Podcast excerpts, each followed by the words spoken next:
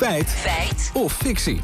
Dat laat maar het gaat over kerstbomen. Ja, sommige mensen twijfelen tussen een echte of een kunstboom. Maar volgens duurzaamheidsspecialist Thijs ten Brink is dat niet nodig. Volgens hem eh, maakt het namelijk voor de milieu-impact niet zo gek veel uit wat voor boom je in huis haalt. Hij ligt zelf even toe waarom hij dat beweert.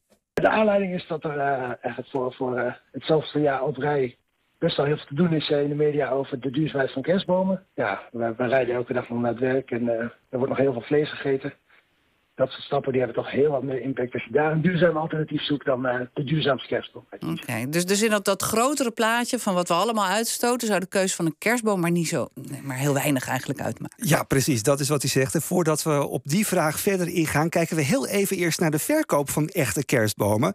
Want de hoge inflatie in het WK voetbal zit de kerstboomverkoop vooralsnog niet in de weg. Dat zegt Gerard Krol, voorzitter van een vereniging Nederlandse kerstbomenkwekers. Hij ziet zelfs een toename in de verkoop. Vooral jonge gezinnen halen de laatste jaren liever een echte kerstboom in huis. Oké, met die verkoop gaat het dus goed. Maar wat moeten al die gezinnen dan doen met die boom als kerst voorbij is? Ja, die vraag legden we ook voor aan Gerard Krol. Op zoek naar de duurzaamste manier om van je boom af te komen. Als ze een boom gekocht hebben met een kruid, dan is het mooi om hem in de tuin terug te plaatsen. Een kleine boom groeit eigenlijk altijd al aan. Een grote boom uh, wordt wat moeilijker. Zo niet, dan kan je hem bij de groenafval van de gemeente meegeven. Of je knipt hem kort in de groencontainer. Of de meeste gemeentes hebben een ophaaldag voor de kerstboom. En dan worden ze mooi gerecycled door te composteren. En dan is de cirkel weer rond. Ja, en dan nu toch even terug naar die hamvraag. Maakt het inderdaad niet uit voor het milieu wat voor kerstboom je in huis haalt? Nou, we legden het voor aan Sanne Jansen van Voorlichtingscentrum Milieu Centraal.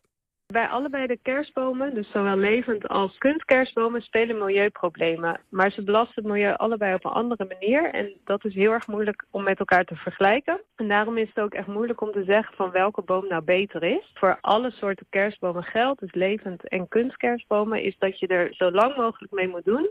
En dat je ze in de buurt koopt.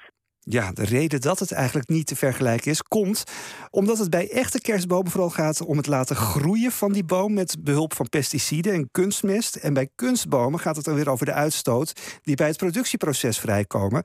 Ja, daarnaast let op, voor iedereen die naast een kerstboom ook kunstsneeuw in huis haalt, heeft Sander Jansen namelijk nog een waarschuwing.